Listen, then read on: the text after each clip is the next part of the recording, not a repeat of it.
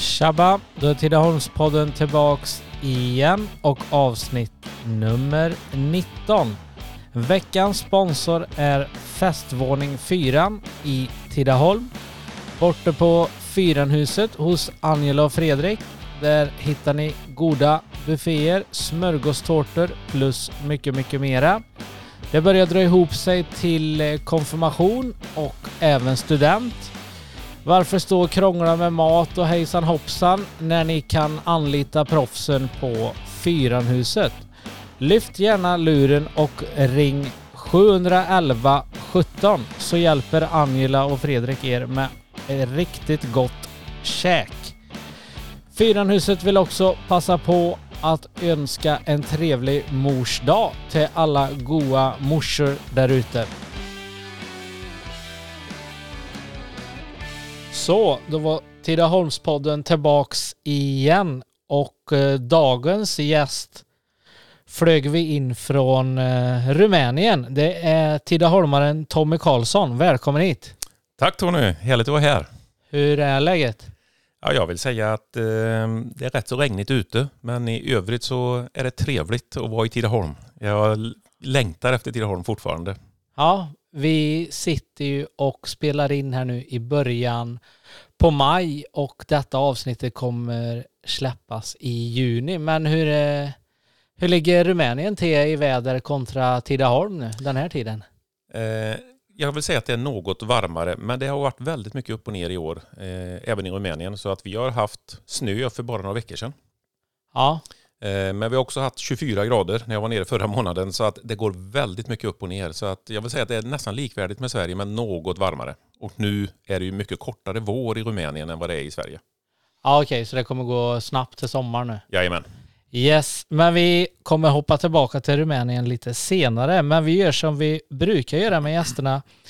Vi hoppar tillbaka till eh, skoltiden och lite idrotter som ung. Hur, hur minns du din skoltid?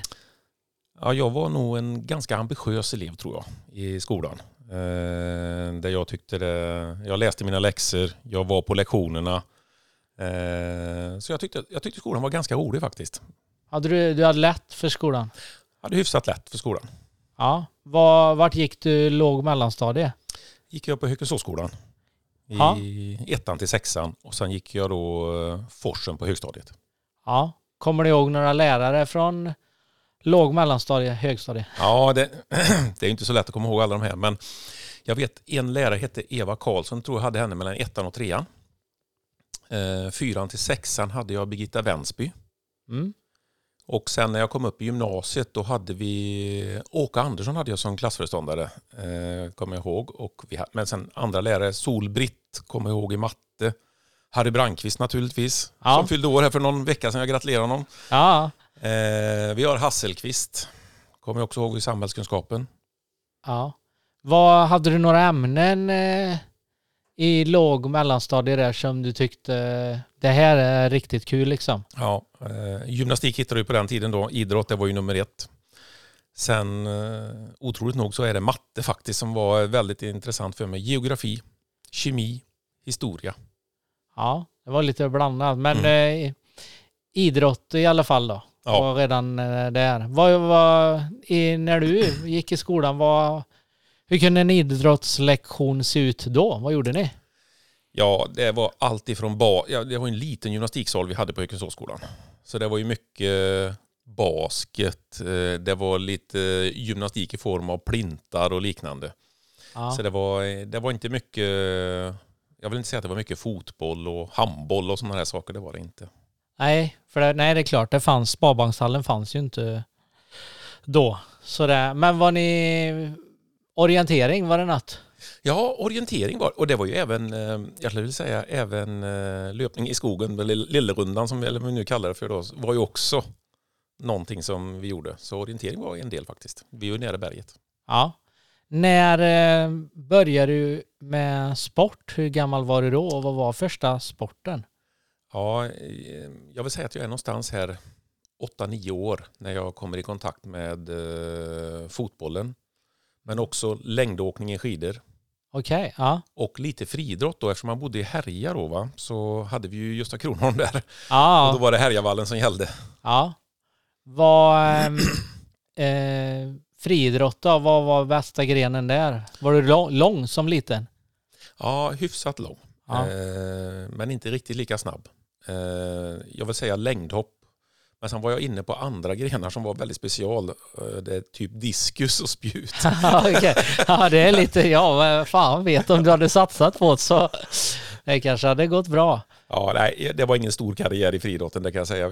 Jag vet att man var med och tävlade exempelvis med, man fick med i herrlaget fast man bara var 12-13 år. Då fick man springa, jag kommer ihåg i Tibro en gång, fick jag springa 100 meter mot vuxna människor och jag var ju totalt chanslös. Men jag fick en poäng till hur.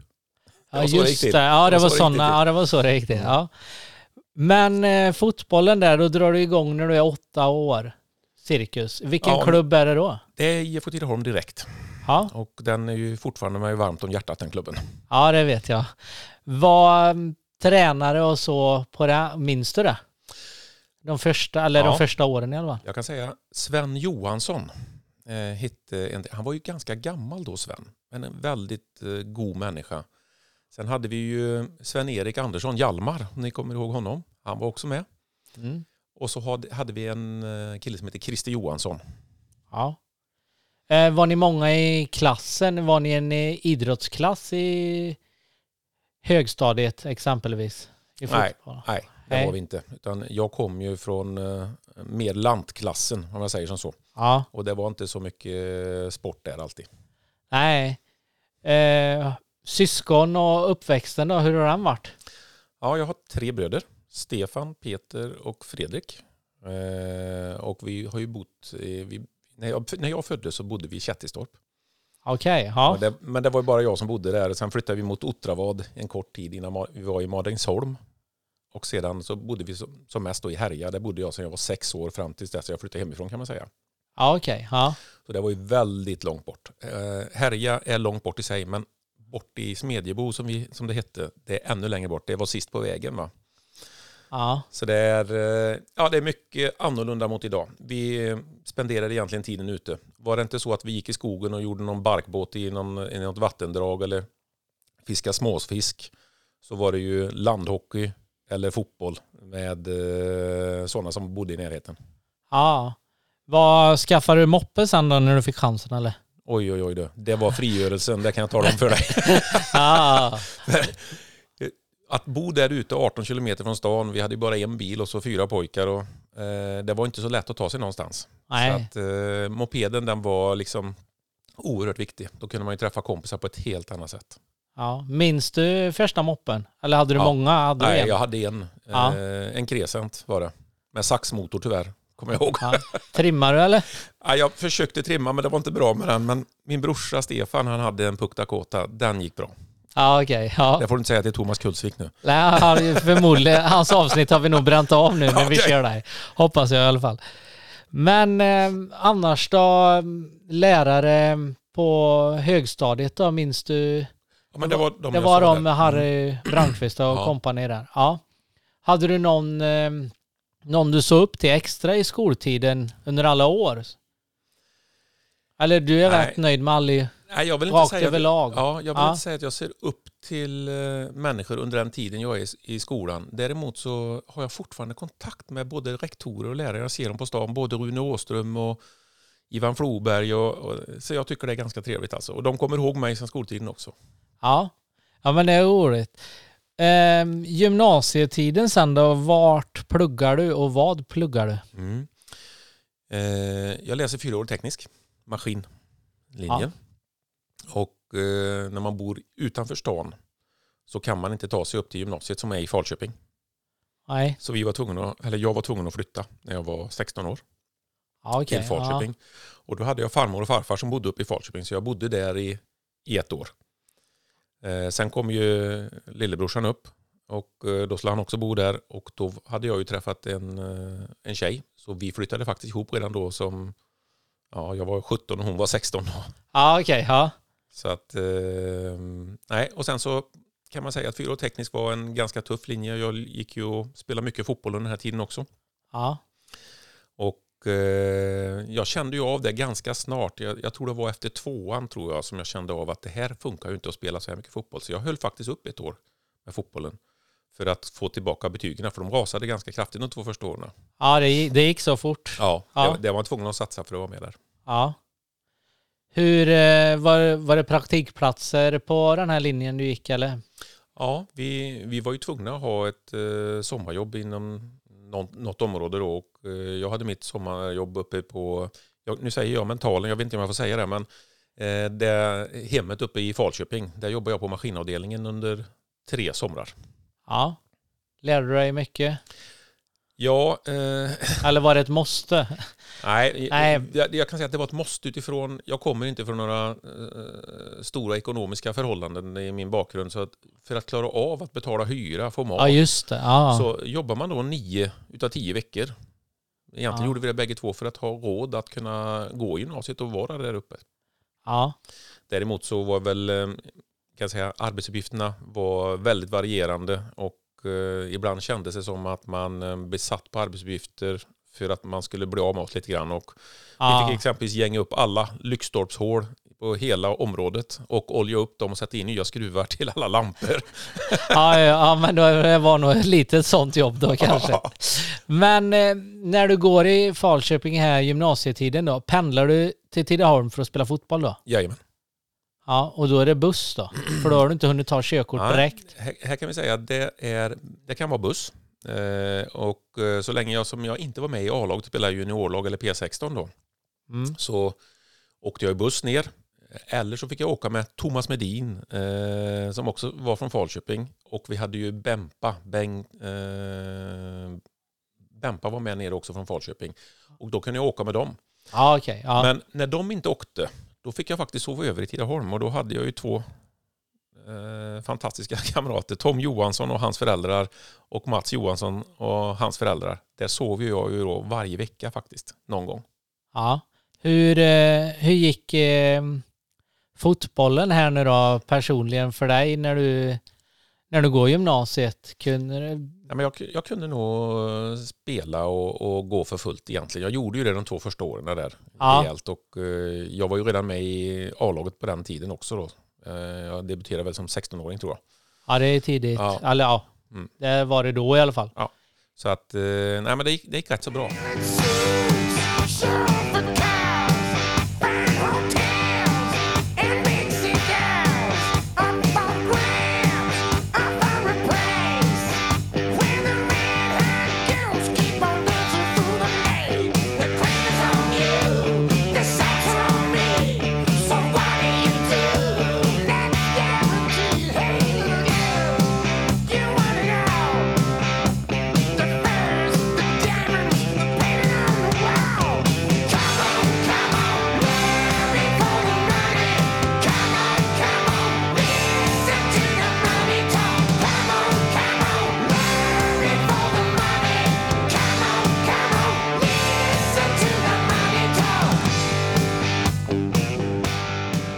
Så, då är vi tillbaks igen med Tommy och vi ska snacka vidare på fotbollen där. Vad IFK har det varit under alla år förstår jag. Nej. Nästintill. Ja, jag hoppar ju över till en annan, ett annat lag i slutet där. Ja, jo, men st störst del är IFK. Ja, ja från ungdom och upp till A-lag och hela vägen där, där har det varit eh, IFK. Ja, vad, vad har du för minnen och grejer ifrån IFK-tiden här nu om vi börjar?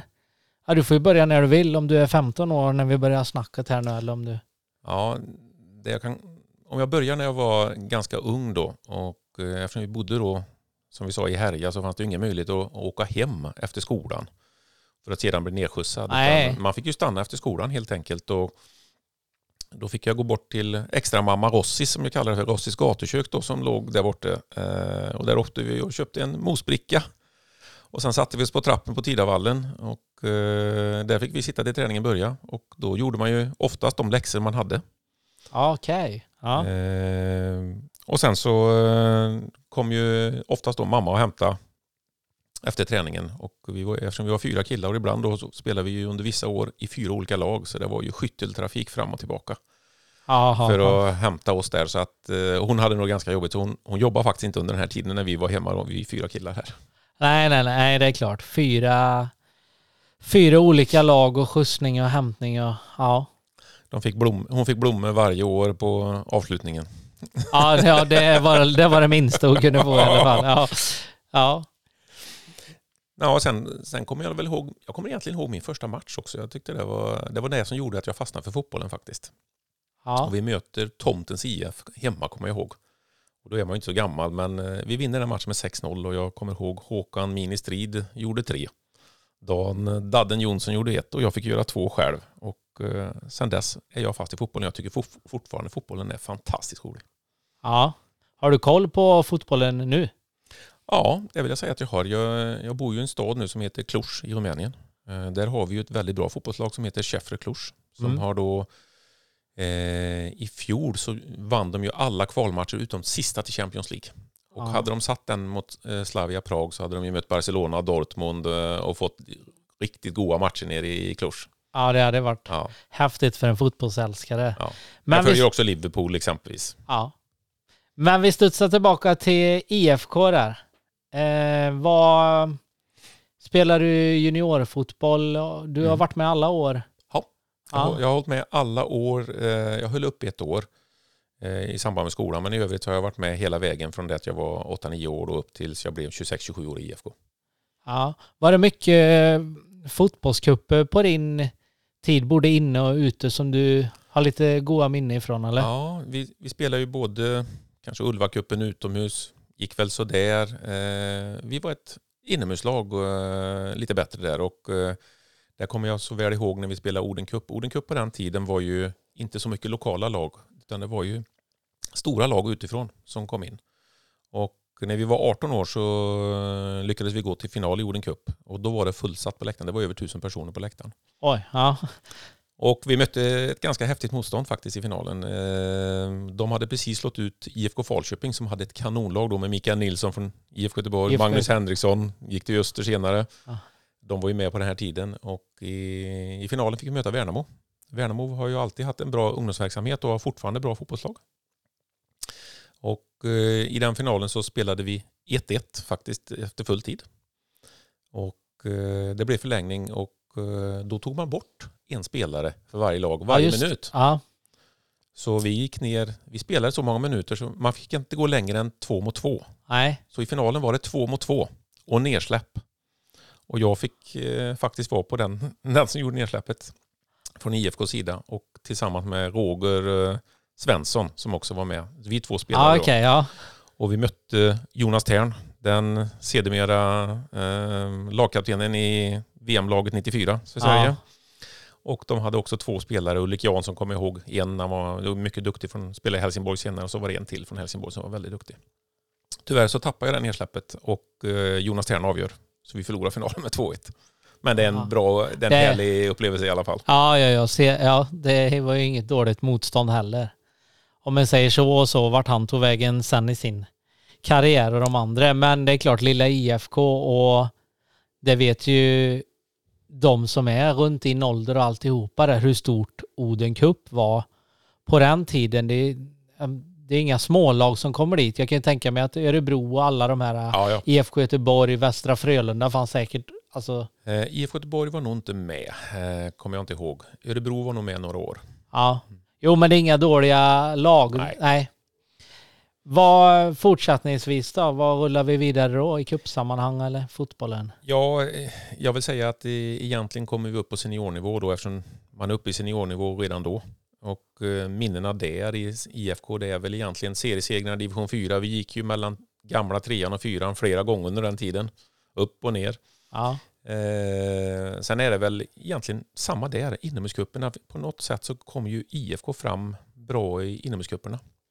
Är det KM vi pratar då eller? eller Ja, det är ju en god upplevelse. Vet du. Nu gillar ju inte alla det i den här staden vad jag säger nu, men eh, vi hade ju IFK en riktigt stor era där, där vi vann väldigt många KM-guld, trots att eh, till GIF då, som var det bättre fotbollslaget kan man säga, i alla fall utomhus. Ja. Eh, så kommer jag ihåg, vi hade ju vi hade fyra år i rad. Jag tror det var 4-0, 4-1, 5-0, 5-1 som vi vann då eh, över dem. Och de var ju ett division 2-lag på den tiden om jag kommer ihåg rätt. Ja. precis. Nej, men eh, ja, det vet ju de som lyssnar på podden och jag gillar IFK och har gjort det i alla KM och ibland har jag fått sett klart alla KM och ibland har jag fått stått utanför och sett klart KM. Men, men nu är du IFK-are och framöver kommer grannen vara med här, Mikael Lövborg, så det, nu pratar vi IFK. Ja.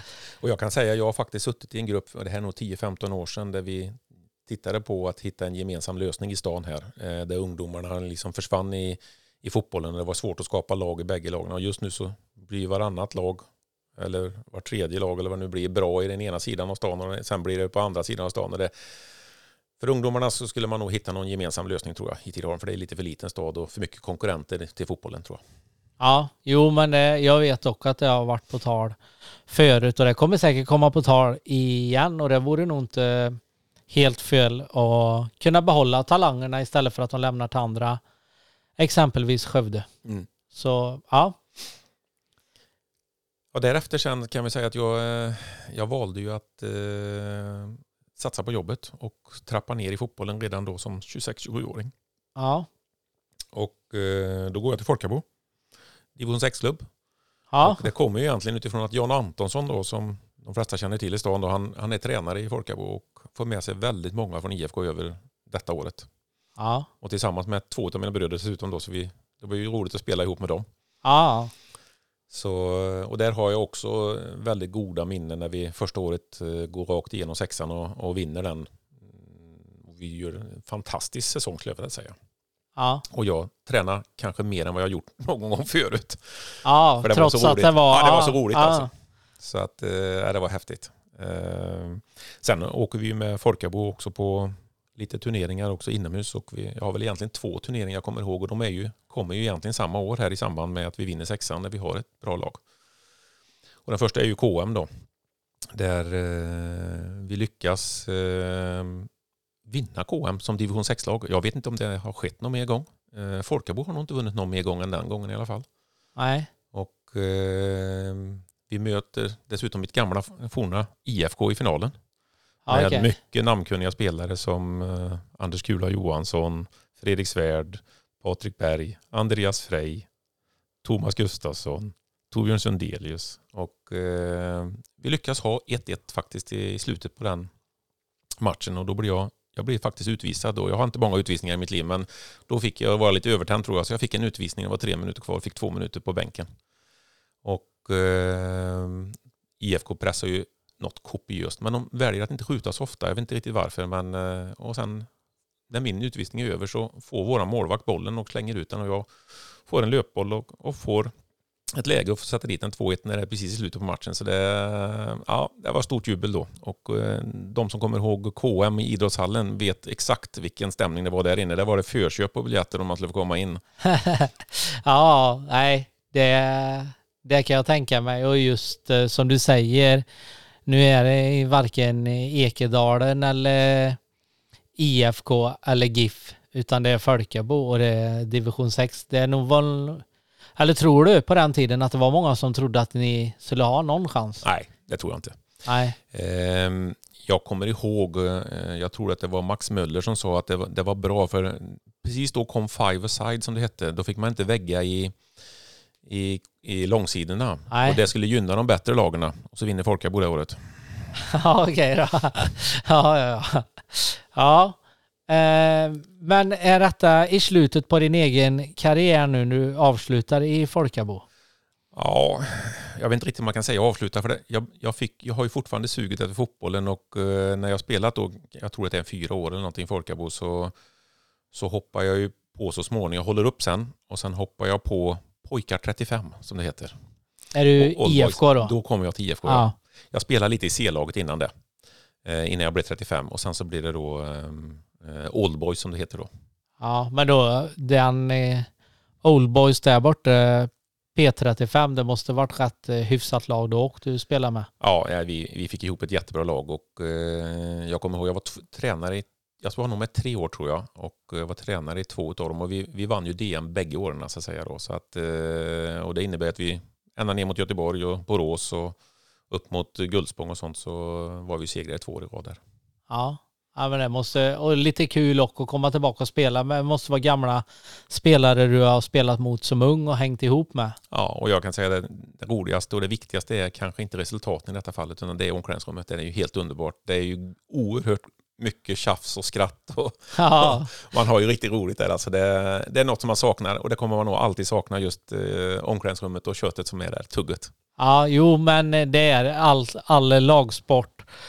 Eller så, så om man inte håller på med något längre som varken jag eller du gör nu så är det- nog omklädningsrummet Mm. och ja, resor till och från matcher och ja, Mm. hela grejen. Så resultaten kanske när du kommer upp i P35 eller om du spelar i ett C-lag så är det nog gemenskapen som betyder.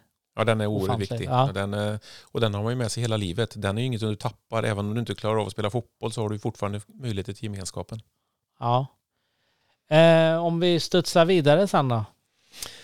Ja, eh, jag kan säga så här, P35 då när man slutade gick ju, vi var väl egentligen eh, två spelare som de ville ha upp till U-laget då. Det här är ju, det här är ju lite, nästan lite skämmigt då, men 39 år gammal och började spela U-lagsfotboll med 17 och 18-åringar, men det var, det var ganska roligt det också det gick hyfsat. Så jag, Ja. jag spelade faktiskt, eh, men bara 11 minuter skulle jag vilja säga då, min sista A-lagsmatch som 39-åring i, när IFK tar hem eh, fyran det året. Vi spelade mot Guldspång borta kommer jag ihåg. Ja okej, ja men då, då var du äldst. Jag var helt klart äldst och klart långsammast, så jag hade varning efter fyra minuter när jag kom in. Så att, eh, det var, jag var helt körd där. Det var, inte, det var inte rätt nivå för mig. nej, nej, nej, nej. Eh, vidare sen då, är det tränarjobb som händer i, Ja, eh, därefter? Ja, eh, i samband med att barnen växer upp då. Jag har en son som heter Rasmus Karlsson och en dotter Elinor Karlsson. De är ju födda 95 och 98. Eh, de börjar ju då redan som sexåringar egentligen att spela fotboll. Ja, Och, eh, men då hoppar jag på tränare, både i form av att utbilda mig själv faktiskt som tränare. Jag har gått både grund och steg ett och steg två i, Göteborg bland annat. Och eh, försöker vara med dem att skapa, ge dem en förutsättning, en god förutsättning för eh, idrottsvärlden. Då. Ja, jag har tränat egentligen eh, killarna då, Rasmus lag då i, från de var, jag vill säga från 8 år till 16, 8 år. ja. Sen tränade jag ju dottern lite omlott samtidigt där, så det var väldigt mycket fotboll ett tag där. Ja, jo men jag, jag, var, jag är mycket på Tidavallen ett tag där och då, nej det var, det var vaktmästare och sen var det du och sen var det några till så Ja, ofta. Och det blir ju så, det blir lilla familjen där borta och. Ja och det var ju ett sätt att umgås kanske med, med barnen också då, som Ja. hade idrottsintressen här. Så att, eh, nej, men det, där har jag tränat dem då tills, eh, tills eh, killen växte upp och blev, då lämnade vi över den till en annan tränare som var bättre rustad för det. Och sen så var jag med när vi, tjejerna då blev så pass stora så vi startade damlaget. Då blev jag ju tränare för damlaget då. Mm. Och damlaget hade en bra, bra tid där ni startade i femman eller sex. Ja, eh, vi, stannade i, eller vi startade i femman. Ja, Eh, och eh, på den tiden så, efter vi hade spelat klart, vi låg i topp på den, men jag tror vi kom två eller tre eller någonting i den serien. Men då la man ner femman för det försvann lag. va. ja okej, ja. Och då fick man gå upp i fyran. Och i fyran, då hade ju lite andra tjejer kunnat se att fan, vi klarar oss rätt så bra trots att vi hade en medelålder på 15,5 år Oj, i ja. IFK. Och, eh, så det kom till lite äldre tjejer och vi fick ju ett eh, slagkraftigt lag i division 4. Där vi, vi vinner faktiskt alla matcher vi spelar det året. Och vi vinner med 5-1 i snitt i målskillnad. Så det är en enorm prestation tjejerna gör det året. ja. Och vi går direkt upp till trean. Och i trean eh, så kommer vi tvåa. Och vi får kvala. Och vi förlorar kvalet mot Alingsås om jag kommer ihåg rätt. Eh, och trots att vi förlorar kvalet då så får vi en friplats utifrån att det är något annat damlag som lägger ner då. Ah. Så vi, vi går upp i tvåan. Så vi går från femman till tvåan på tre, under tre säsonger. Vi vinner, eller femman till fyran, fyran till trean, trean till tvåan. Det är mäktigt. Ja, Med den, eh, ja, ni hade ju inte så, alltså förr i tiden, det vet ju du och det vet ju jag, alltså damlag då kunde jag ha någon stöttespelare som var ja, men 25 eller 30 eller 35 var inte ovanligt heller och det antar jag att tjejerna som du tränar då kunde möta lite äldre också. Ja, både, både tyngdmässigt skulle man väl säga, men också erfarenhetsmässigt så var det ju helt andra spelare vi mötte och framförallt i tvåan. Ja. Och eh, tvåan, tvåan var... Eh, jag, jag, gjorde ett ganska stort misstag, skulle jag vilja säga. Ledarmisstag som jag har lärt mig av i, i arbetet senare. Och det var när vi gick upp i tvåan så gjorde jag klart för både tjejerna, tidningen och klubben att det här kommer att bli jättesvårt. För jag hade tittat på lottningen och såg att vi hade fem av topplagarna fick vi de sex första matcherna. Så jag sa de sex första matcherna kommer att bli jättesvårt. Vi hade ju, på, vi hade ju tjejer som läste, jobbade på kvällar. Så vi var ungefär sju personer på träning och jag såg det, det, det kanske håller i femman och fyran men inte i tvåan. Där är det ju tränade tjejer man möter. Ja. Så jag hade redan planterat in det i huvudet på, på tjejerna då inför den här eh, säsongen. Så de första sex matcherna fick vi ju eh, tre poäng, nej, en poäng på bara. Ja, okay. När vi kommer till sjunde matchen så möter vi Vänersborg, kommer jag ihåg, borta. Eh, det är konstgräs. De ligger tvåa i serien och har gjort en fantastisk säsong. Och vi spelar ut dem totalt. För det var ju match nummer sju, det hade jag redan talat om för dem att då kommer vi börja vinna. Så vi vann med 5-2 tror jag och eh, gör en enorm prestation. Ja. Sen, sedermera eh, på sommaren här kommer jag ihåg, vi ligger klart sist i serien. Eh, och eh, vi har förlorat, vi har bara minus fyra i målskillnad. Så vi har förlorat alla matcher med en boll i slutet. Och det här beror ju på att vi inte tror på oss själva. Va? Och att jag har talat om att vi inte ska tro på oss heller. Så eh, jag träffar på Hooks herrgård, kommer jag ihåg, Håkan Georg Eriksson, han som var förbundskapten för U21. Ja. Han träffar jag där nere och frågar, jag skulle behöva ha 15 minuter med dig. Och han säger ja, så jag får 15 minuter med honom på lunchen. För han, jag vet ju att han har tränat ett fotbollslag som var det sämsta laget individuellt i EM som fick en gratisplats. Men de vinner ändå EM för 21-åriga killar. Och jag ville bara reda på vad han hade gjort. Vad var det för något speciellt? Hade han någon form, en formel som inte jag hade hittat? Och eh, jag vet att han talade om för mig att de tränade under hög pulspåslag. Och det innebär? De hade alltså tagit in, jag tror det var Anders S. Nilsson i parlamentet, Aha, okay. som stressade killarna när de skulle göra passningsövningar, skottövningar och sånt så att de hade en hög puls. Okej. Okay. Och utifrån det då så att de kunde prestera när de hade hög puls. För han visste om, är det så att man går ut i en EM-final och så lägger en straff i 90 minuten, det är inte samma kille som står på träningen på fotbollsplanen och lägger Nej. straffen. Så de hade tränat på detta. Och så hade han naturligtvis jobbat mycket med den mentala biten om uh, att tro på sig själv, att de är riktigt bra då. Så det beskrev han för mig. Och uh, jag tog egentligen med mig detta hem uh, till tjejerna. Och Thomas Thurén då, som var tränare tillsammans med mig i damlaget. Jag sa att vi, vi måste träffa dem, vi måste göra någonting. Det här, det här funkar ju inte, vi kommer ju åka ut. Mm. Och så pratade jag med tjejerna och så säger han, nej men nu, nu tar vi varenda match i höst istället. Vi, vi ligger bara en boll efter varenda en och vi har förlorat många i sista kvarten. Och tjejerna blir bara jätteglada. Det är någon som tror på oss. Yes, det kör vi. Vi slutar femma i serien sen, efter serien är över. Ja, ja det... Där, där ser du mentala och tankens kraften är så enorm. Ja, och ja, så som du sa också, det är att eh, tränar, ja, ni som tränare måste ju försöka få in det. Även fast du såg hur starten var. Mm. Att det blir, och när den vänder det sen och så, att orden kommer, nu kör vi. Mm. Ja. Ja, det är, ja, det är mäktigt. Och ska jag fortsätta lite grann med minnen från... Nu blir det mycket minnen här Tony, jag hoppas det är okej. Okay, ja, det är OK. Jag, jag, det, är, det är god känsla på de här. ja, kör på bara. Det är lugnt. Och jag, jag fortsätter med damlaget innan jag går ner på killar och tjejer lite grann då. Ja. Eh, damlaget då när vi, när vi hade vunnit fyran där så sa vi nej men nu, de vill ju åka på inomhuscuper, de vill ju vara med hela tiden och tävla. Jag hade ju en hel hurv med vinnarskallar, alltså på gränsen till för mycket vinnarskallar. Och det ja. gällde att samla ihop detta så det skulle bli ett lag naturligtvis. Då. Och eh, vi anmäler oss till Oden Cup, kommer jag ihåg. Det är, först, det är nog första cupen vi åker på. Eh, och vi, vi tar oss hela vägen till final där. Eh, vi slår ut Mariestad division 1-lag och lite andra bra lag. Vi slår ut Lärja Angered, kommer jag ihåg. De hade gått året före oss från division 5 till division 2 och fått en dokumentärfilm på SVT. Aha, okay. Aha. De slår vi också ut i den här kuppen Och får möta Falköpings Kick i finalen där vi är totalt chanslösa. Där, Ja, Madeleine Janogy eh, har stora triumfer i den finalen mot oss. Okay, ja. Så vi hade inget att sätta emot där, men finalplatsen var ju enorm för oss och för tjejerna att komma dit. Så vi åker vidare och vinner en annan kupp, en lite mindre kupp. Eh, sen är vi med i möbelkuppen då som är en, en ganska stor kupp då på den här tiden också. Och möbelkuppen eh, vinner vi första gruppspelet ganska enkelt. Andra gruppspelet ganska enkelt också, men har ju otur att få Falköpings kick i kvartsfinalen. Ah, okay. Och då börjar man känna att det här... Eh, men den här gången så jobbar vi med mentala biten lite annorlunda. Det här finns möjligheter, det här går. Och eh, vi är ju ganska tillbakapressade av Falköping Kick men lyckades kontra in, för vi hade många snabba spelare i vårt lag, som, och så kontrade vi in och gjorde 1-0. Och de pressar på och gör ett jättemisstag. Det var ju ackumulerade frisparkar på den tiden och det är det väl nu också tror jag. Ja. Så de sparkar ner en av våra tjejer i vårat straffområde. Så vi får en straff på 10 meter som vi sätter 2-0.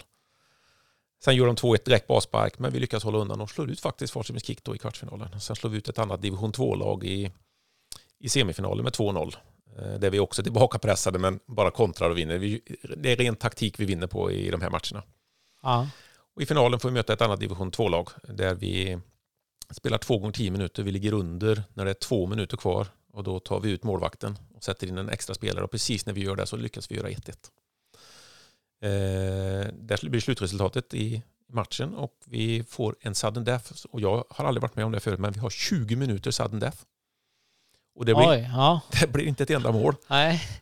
Så vi kommer till straffar och eh, där håller den mentala biten för oss och vi sätter alla fem straffarna. Och vi vinner hela möbelgruppen också. Och det, det var ganska stor. Jag kommer ihåg vi vann en möbelgrupp som var värd över 30 000 på den. Det här är ju 2014-15 någonstans kanske. Ja, nej men den eh, möbelkuppen i Tibro den eh, minnslar de flesta och den hade rätt stor status. Den låg inte så långt under eh, vad heter det, Falköping? Oden. Oden, nej. nej. Precis, och det, det, är ju, jag tror intresset har varit stort för inomhuscuper just för Oden Cup och Möbelkuppen. Sen tror jag Borgunda hade någon kupp och, men den var ju, ja. Den var ju betydligt mindre. Ja, det var ju lite mer bonnalagen mm. där, men det var ju ändå en kupp och mm. just intresset för innefotboll. Och nu kommer jag ju på en kupp till nu som vi glömde med, där vi spelar själva, med, förutom KM, med, med, med herrlaget. Vi, var, vi ställer ju faktiskt upp i en kupp i Borås som är väldigt stor också. Just det. Vad heter den? Knallen Cup. Just det. Och det gick det bra va? Ja, vi lyckades.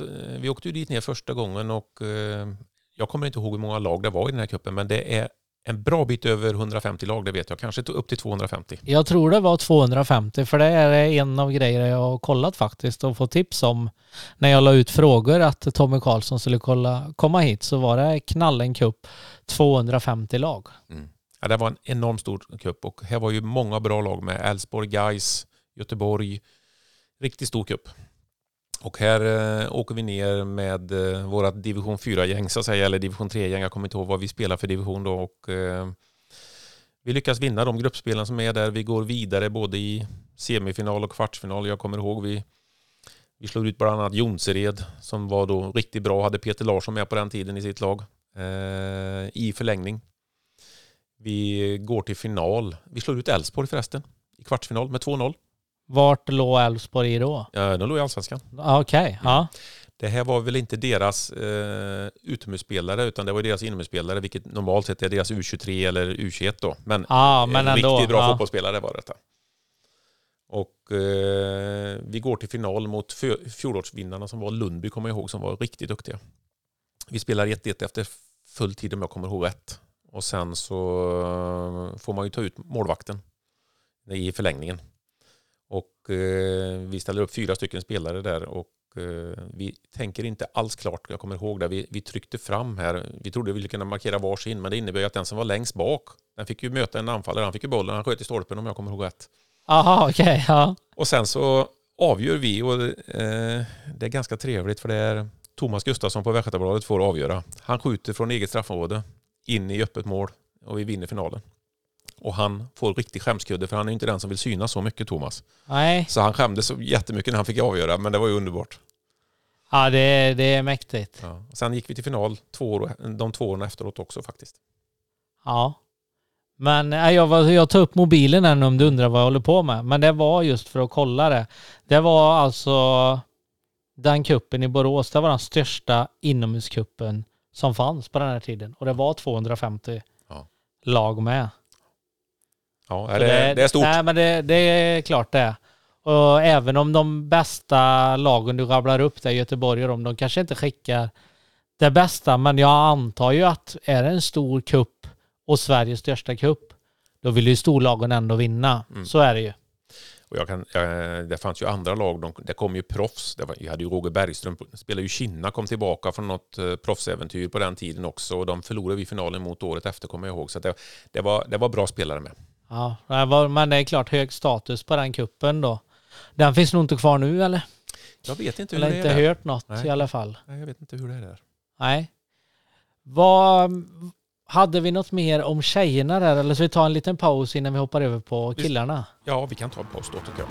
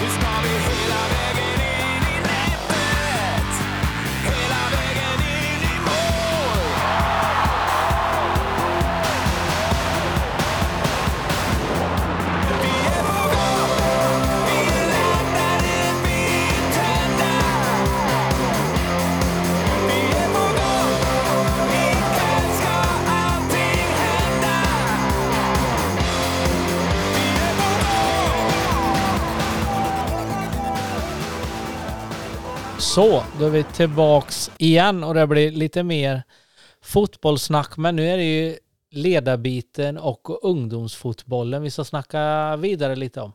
Mm. Det är ju också en fantastisk tid med att få vara med barn när de växer och utvecklas. De har ju sin bästa utveckling då runt 12-årsåldern så att säga då, där du har möjlighet att forma dem till att bli eh, riktigt bra fotbollsspelare. Ja. Och eh, vad har du för eh, lite minnen och kom ihåg här då? Ja, för det första då så fick vi ihop en... Jag tror att detta var ganska viktigt för de här, det här killlaget. Det är ju ingen stor stad, Tidaholm. Och, men vi lyckades få engagemang hos mycket människor runt omkring. Och vi fick en, en tränartrojka tror jag som eh, var ganska viktig. Eh, där vi var väldigt olika och kunde utnyttja den olikheten till att vara positivt. Ja. Eh, där vi har Claes Peder Andersson då som skötte allting runt omkring laget, det som ingen annan ville göra. En underbar människa. Och sen har vi eh, Daniel Larsson, rektorn. Han var ju pedagogisk, han kunde ju hur vi skulle lära ut och allting. Det var ju underbart. ja, det är perfekt. Och sen hade vi Thomas Bullen Bergström som var lite mer taktisk matchcoach. Och så jag själv då. Eh, och jag, det, det kändes som det var en riktigt bra grupp vi fick ihop där.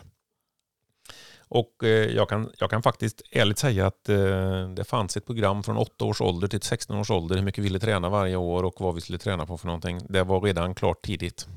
Vem satte ni i det som tränarna eller var IFK med? Och... Jag gjorde nog det mesta av det utifrån den utbildningen jag gick på de här steg, stegen då. Ja, okej, ja. Så jag hade en, en plan för vad vi ville komma och så hade vi lite, vi hade mål som inte bara var resultatmål. Det fanns en del sociala mål faktiskt. Ja. Hur, eh, hur viktigt eh, var resultat eh, för killarna, för ledarna? Ja, om vi tittar på killarna så är det jätteviktigt i den här åldern när de spelar fotboll. De vill ju bara vinna hela tiden och jubla för varje mål de gör. Och vi kan väl säga i, i ledarna så var vi väl lite delade då. En del hade resultat som lite viktigare, andra hade gemenskapen som lite viktigare. Det kanske är den mixen som blev bra då på att leda Precis. och få ihop allihopa. Ja, precis. Det, det tror jag var väldigt bra. Och vi var ju i, var ju också väldigt olika på matcherna. Det var ju, en del var högljudda som jag, en, en del var lite lugnande. Och vi är ju olika killar ute på plan och de behöver ha olika stöd. Ja. Så eh, jag tror vi hittade en bra balans där som var eh, nyttig för killarna faktiskt. Ja, hur, eh, Hur mycket tränar ni? Hur gamla var de här nu då? Ja, när vi började då träna... Eller 12 sa du? 12. Nej, vi, vi börjar ju redan vid åtta år och då tränar vi, ju, Okej. tränar vi två entimmarspass i veckan. Och sen så lät man ju det vara så blir det ju två en och en halv timmars pass. Sen så småningom blir det ju tre stycken entimmarspass. Och sen blir det tre stycken en och en halv timmars pass. Ja. Så det var det sättet vi byggde upp så att eh, man inte åkte på för mycket skador och sånt också som det finns risk om man går alldeles för hårt på en gång. ja.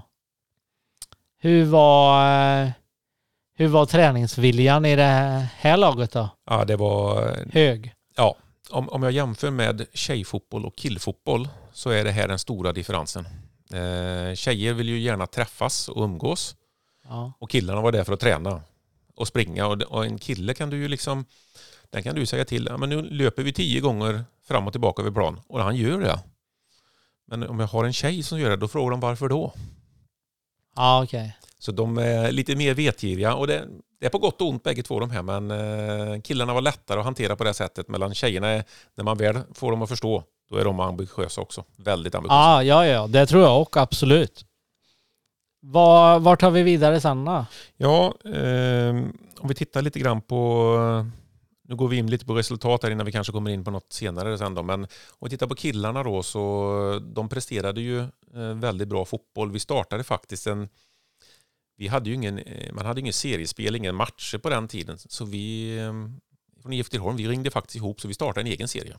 Med Skövde AIK två lag, IFK Tidaholm två lag, IFK, nej FFK två lag och IFK Skövde två lag. Så vi spelade egna matcher bara för att de skulle få eh, träna faktiskt på matchspel Ja. innan man gick in i något som kallades för poolspel så småningom.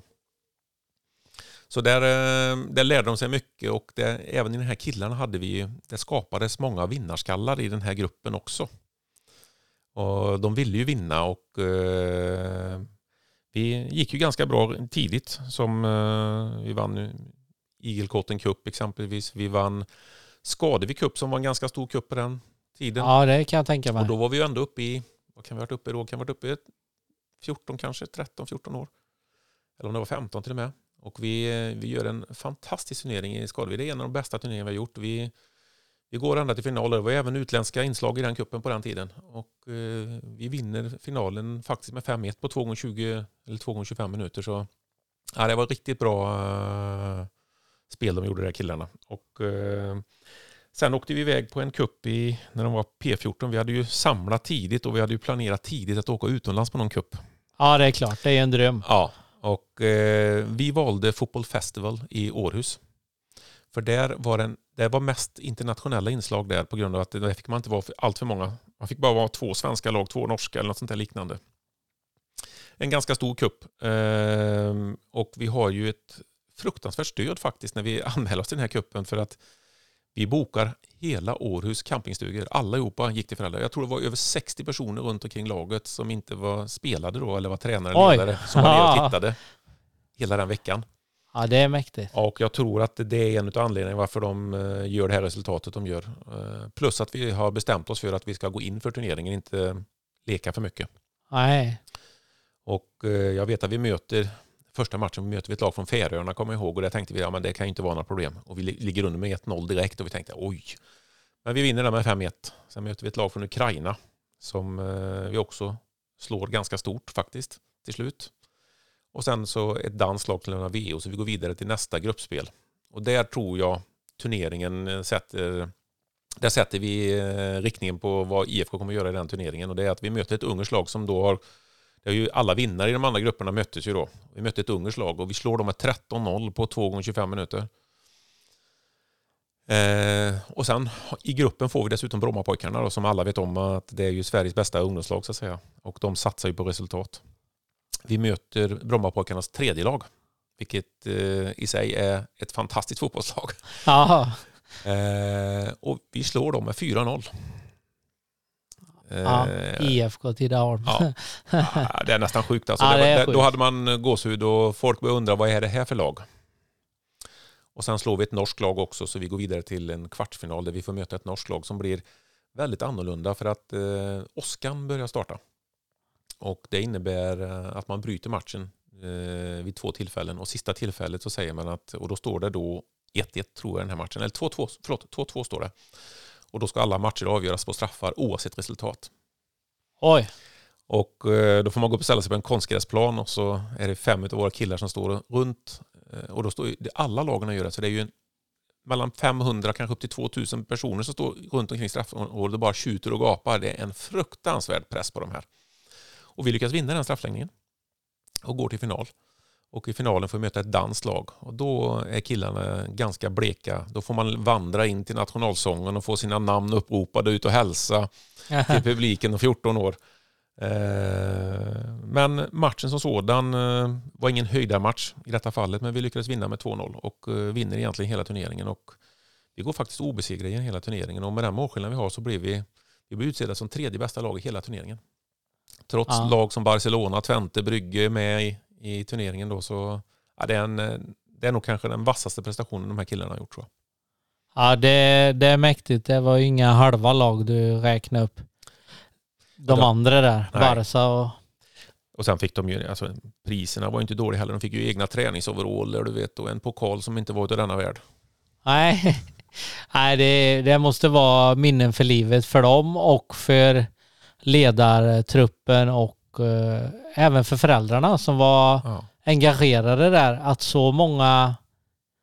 Ja, det låter ju nästan stört omöjligt med hur en ser hur aktiva föräldrar och allt är nu för tiden och kunna få med så många föräldrar på en kupp. Men det, ja, det kan gå att Men vi hittade också lösningar på, eh, med att engagera föräldrarna. Någon skötte Bingolotto. Bingolotto på den tiden gav ju en jätteinkomstkälla då, som gjorde att man kunde åka på sådana här kupper. Va? Eh, Så de, det var många föräldrar som hade en egen uppgift runt omkring laget. Så vi kunde ju koncentrera oss på fotbollen som tränare och ledare. Vi var ju inte alltid allo och överallt. Va? Nej, det är tror det viktigt. viktigt. Ja. Sen, eh, sen tror jag också att eh, de tyckte det var roligt. Ja, det- blev det tror jag. gemenskap. Det blev Ja. en gemenskap även för föräldrarna. De, de hade ju sina egna, inte fester, men de, de umgicks ju på kvällarna där också naturligtvis. Ja. ja, det är klart.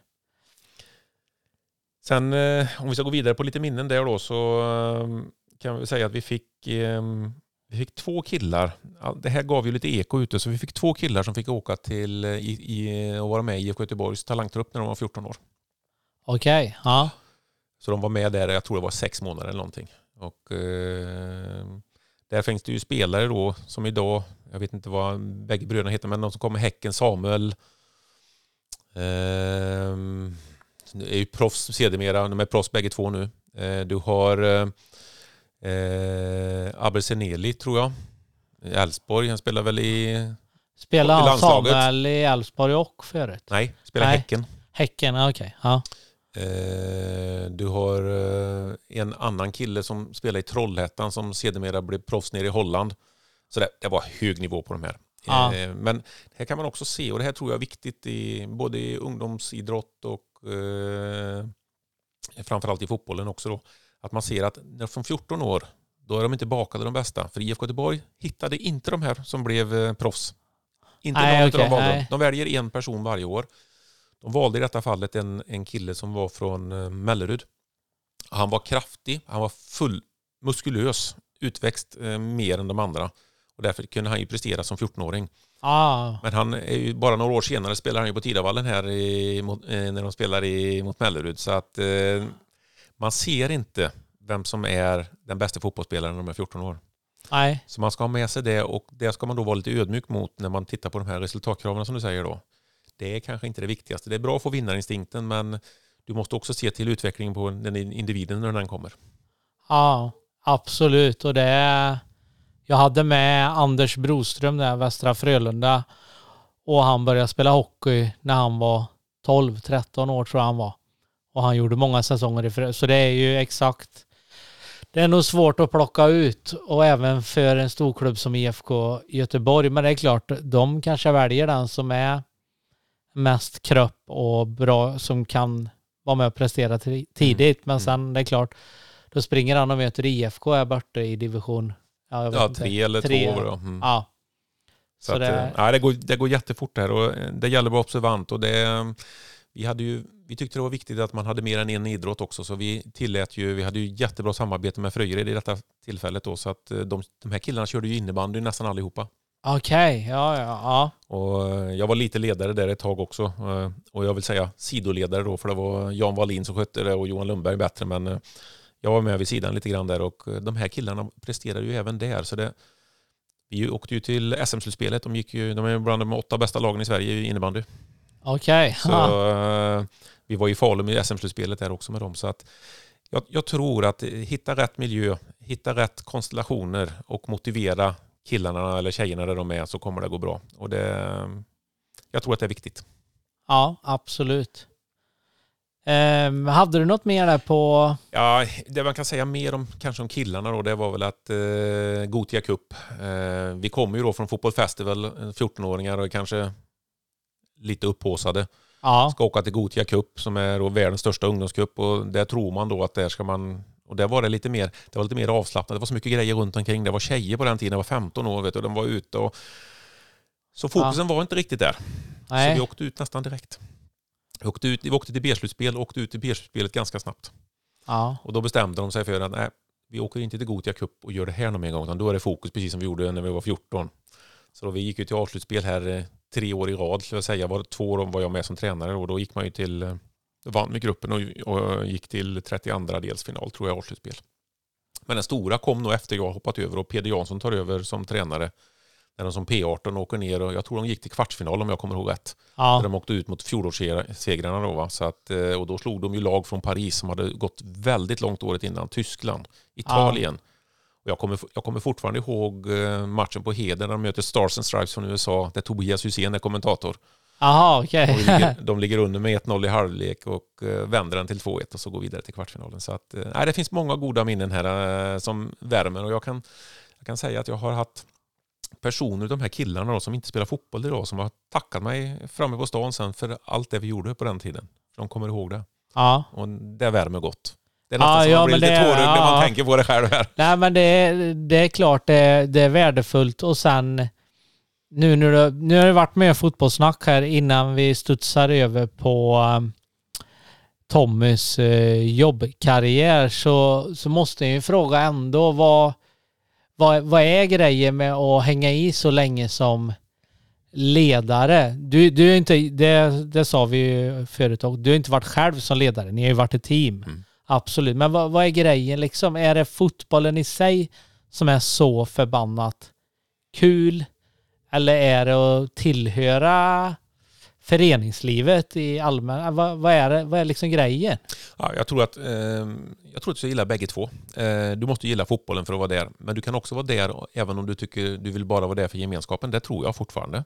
Ja, Eh, däremot desto längre upp du kommer i åldern desto jobbigare blir det då när, när det börjar ställas krav från egna spelare om att eh, prestera lite mer så att säga, eller ge järnet så att säga. Men den stora grejen är väl egentligen gemenskapen, för det, det är det du kommer komma ihåg efter. Ja, Jag kommer ihåg en del resultat där. Killarna som kanske lyssnar på den här podden kanske kommer komma ihåg någonting också, damerna också. Men eh, gemenskapen är ju det som man kommer komma ihåg och den, den man kommer ihåg när man blir riktigt gammal också. Den, den kommer att sitta där. ja. Jo men eh, och så som du säger nu när du är... Nu bor du inte i Sverige men när du är hemma och träffar killarna då är det ju... Ja det kan vara kupp. Det kan vara kuppvinst eller det kan ju vara en träning eller en träningsmatch eller kommer du... Alltså det måste vara kul för dig ändå att Ja. de ändå minns... Det är så du minns dina gamla tränare och alltihopa och antar jag. Och om 20 år kanske de sitter här i podden och de inte sitter redan nästa år, det vet vi ju inte. Nej, det vet vi inte. Det kan vara redan i år och det vet den inte. Men det jag tror är viktigt med, eh, och även om man har resultatmål i, i fotbollen på något sätt, så måste man klara av den sociala biten. Vi hade ju mycket inriktat även på barnuppfostran när de började 18 år. Det var ju att lära sig att lyssna, eh, inte bråka. Eh, den här typen av, vi hade sådana sociala mål faktiskt i den här gruppen. Eh, Ja. Och att respektera andra människor oavsett vart vi kommer ifrån, vilka vi är och hur vi är. Det var väldigt viktigt för oss i den här gruppen också. Så att vi, vi ehm, ja, jag, jag, tror att vi, jag tror att vi uppfostrar de här killarna så att de är bra medmänniskor framöver. Och även tjejerna, skulle jag vilja säga. Det, det har varit mycket kraft på det också. Gå gärna in och följ Tidaholmspodden på Facebook och Instagram så kan ni läsa mer om kommande gäster, tävlingar plus mycket, mycket mera.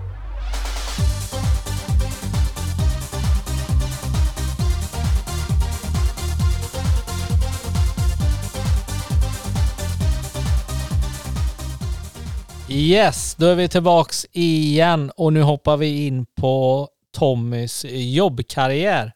Och vart startar den? Ja, som många andra, på Marbodal.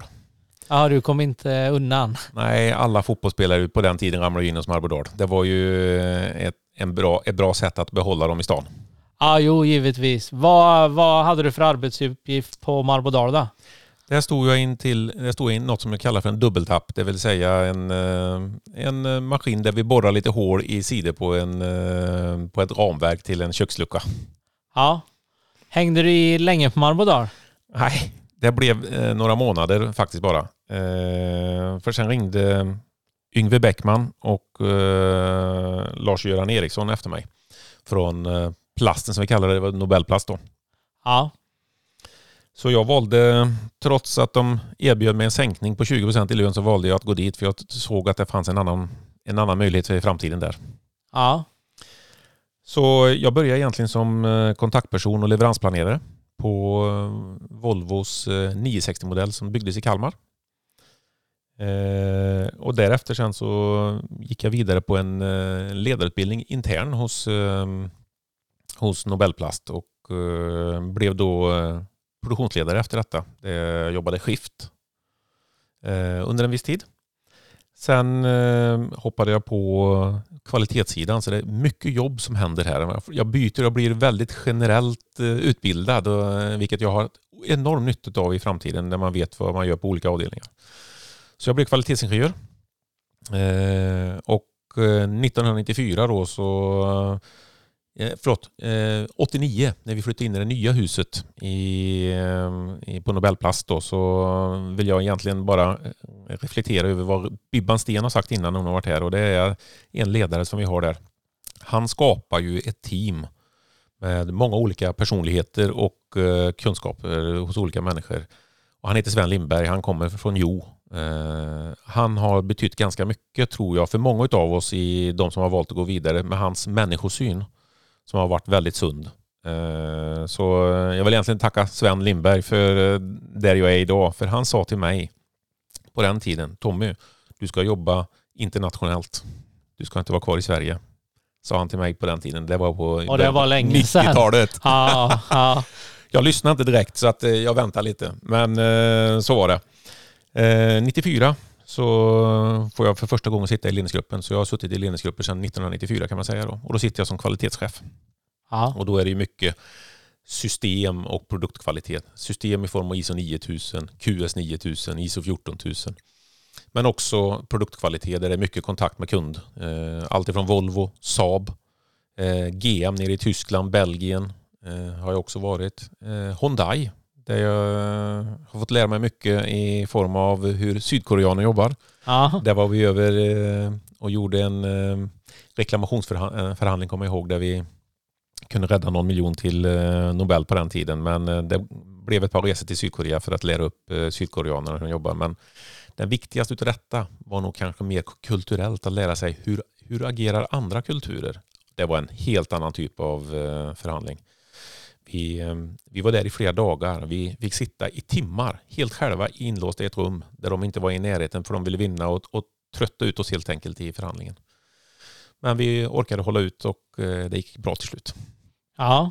Men det är lärdomar och det är, eh, ja, det, man lär sig av alla de här stegen man gör i jobben om man bara väljer att reflektera lite över dem.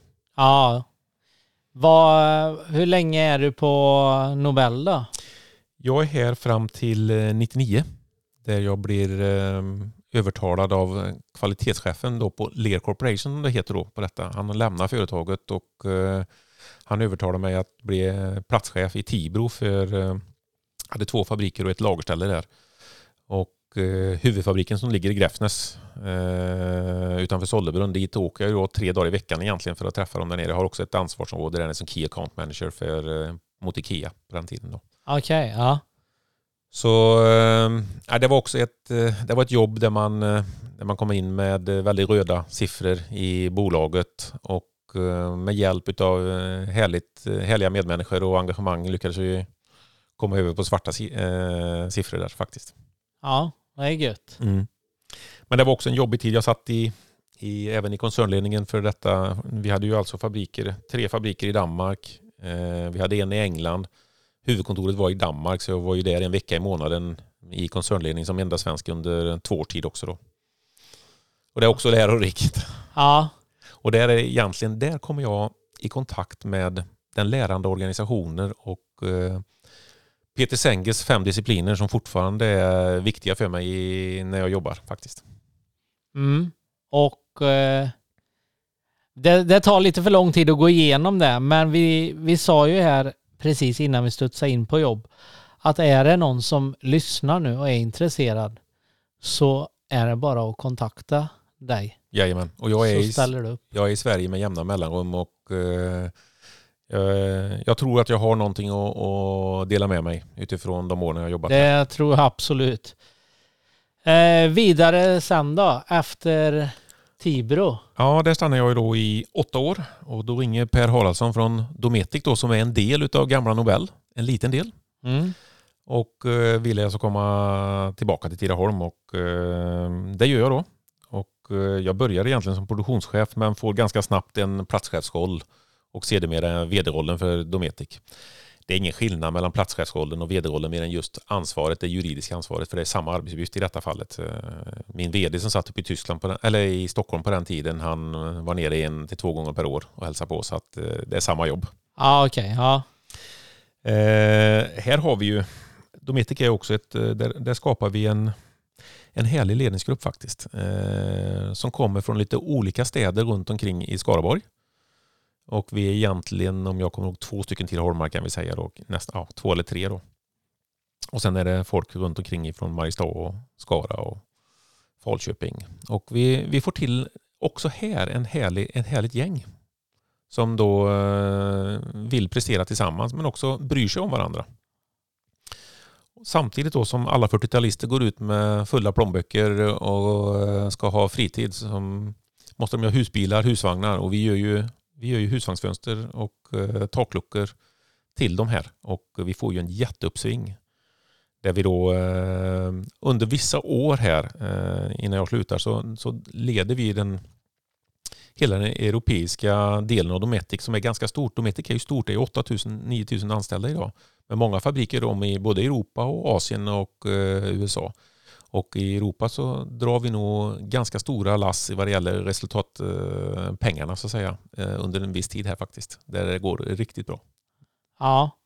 Men eh, jag la ut innan eh, du skulle komma hit idag. Jag har inte nämnt eh, frågorna för dig, för det är ju aldrig för gästen, men jag har ju fått eh, till mig också att eh, utan Tommy Karlsson de åren du gjorde på Dometic så är det inte hundra på att eh, Dometic skulle varit kvar här.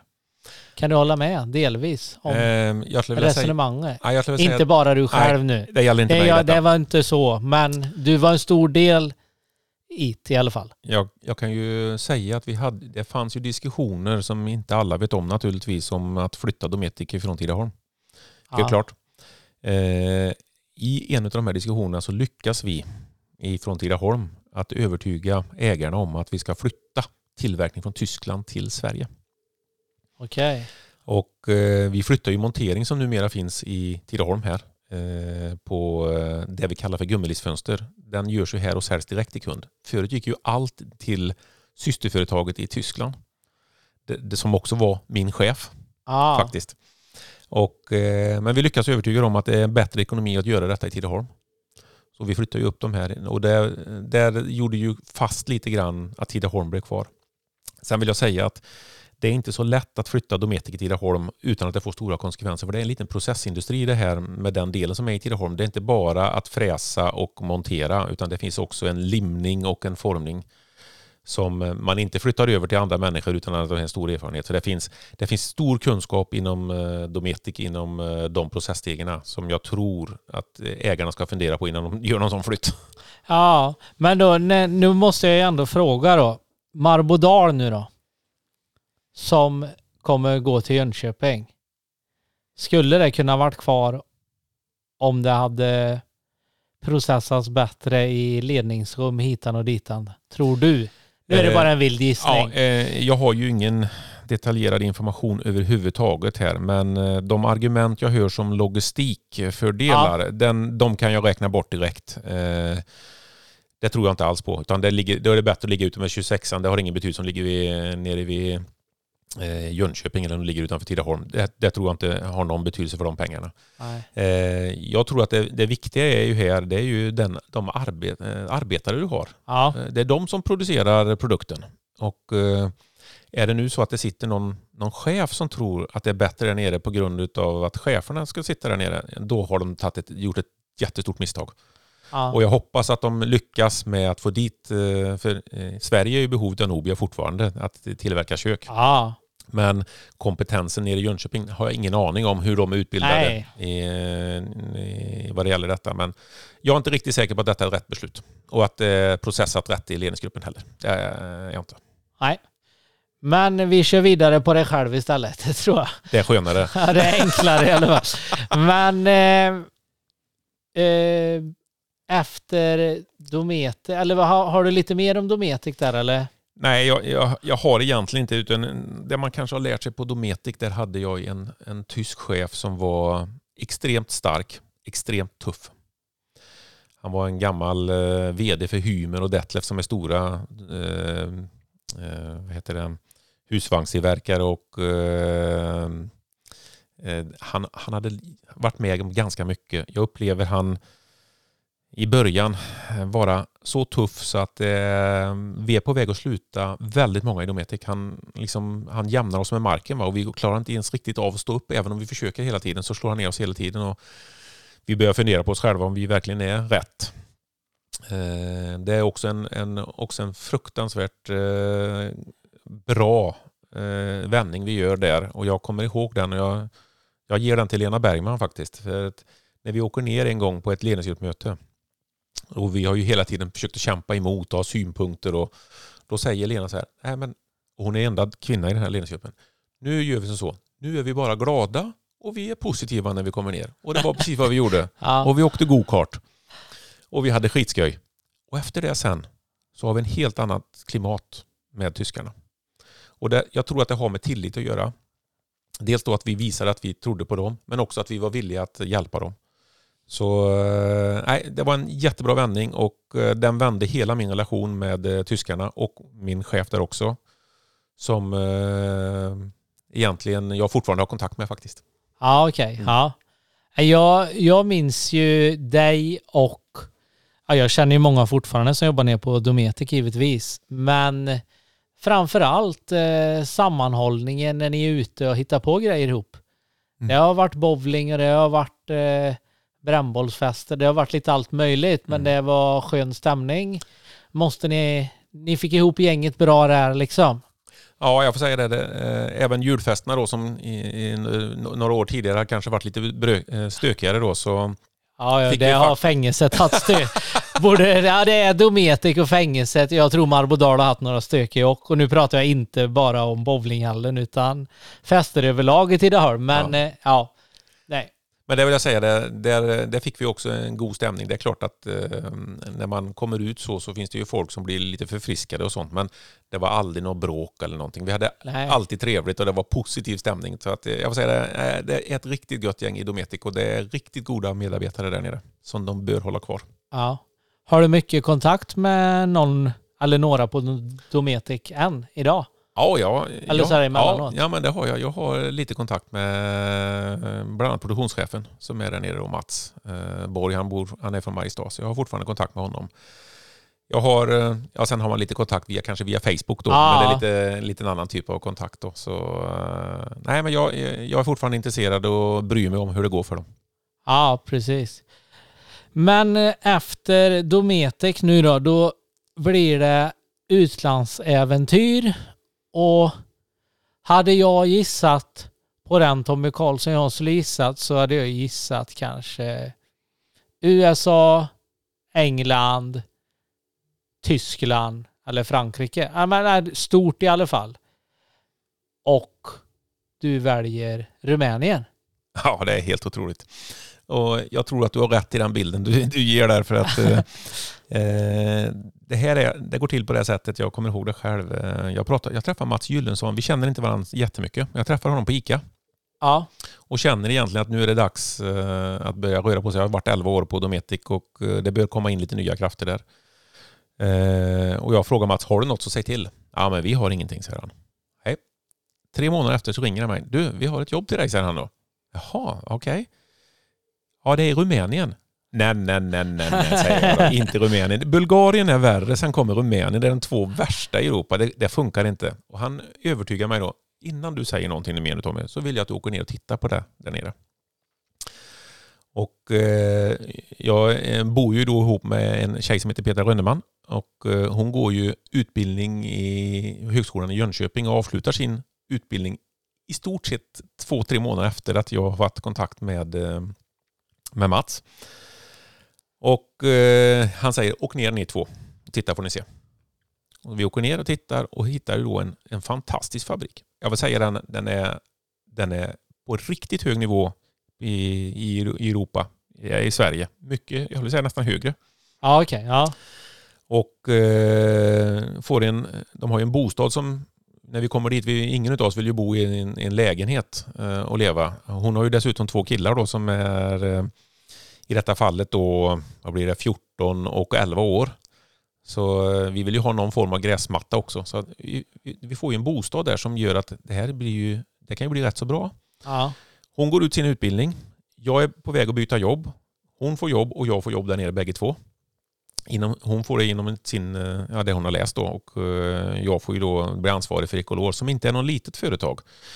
Ecolor är ju över 700 anställda. Vi eh, omsätter 600 miljoner eh, i detta tillfället och jag ska in i en ny kultur, rumänsk kultur, där jag inte har en aning om vad detta är för någonting. Så eh, det tar nog någon månad. Vi har faktiskt nere, både mina föräldrar och hennes föräldrar är nere och tittar hur det ser ut. Eh, och sen så bestämmer vi att nej men, vi går på detta. Så eh, vi kör igång. Eh, jag har ju ett halvårs uppsägningstid. Det innebär att eh, övriga delen av den här familjen flyttar ju ner i augusti månad.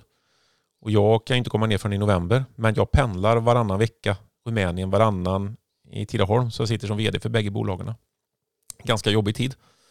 Eh, samtidigt så får jag lära känna folken nere i Rumänien utan att vara där hela tiden. Så jag har ju någon möjlighet att eh, tänka emellan så att säga. Ja. Så jag, jag tror att det, det, var, det blev inte så dumt ändå. Eh, sen kommer man till företag som kanske inte riktigt såg ut på det sättet som vi såg när vi var nere. Det fanns ett eh, annat företag när vi kom ner som inte var riktigt lika bra eh, status kanske, både finansiellt men också eh, resursmässigt i form av personal och kompetens och sånt. Då.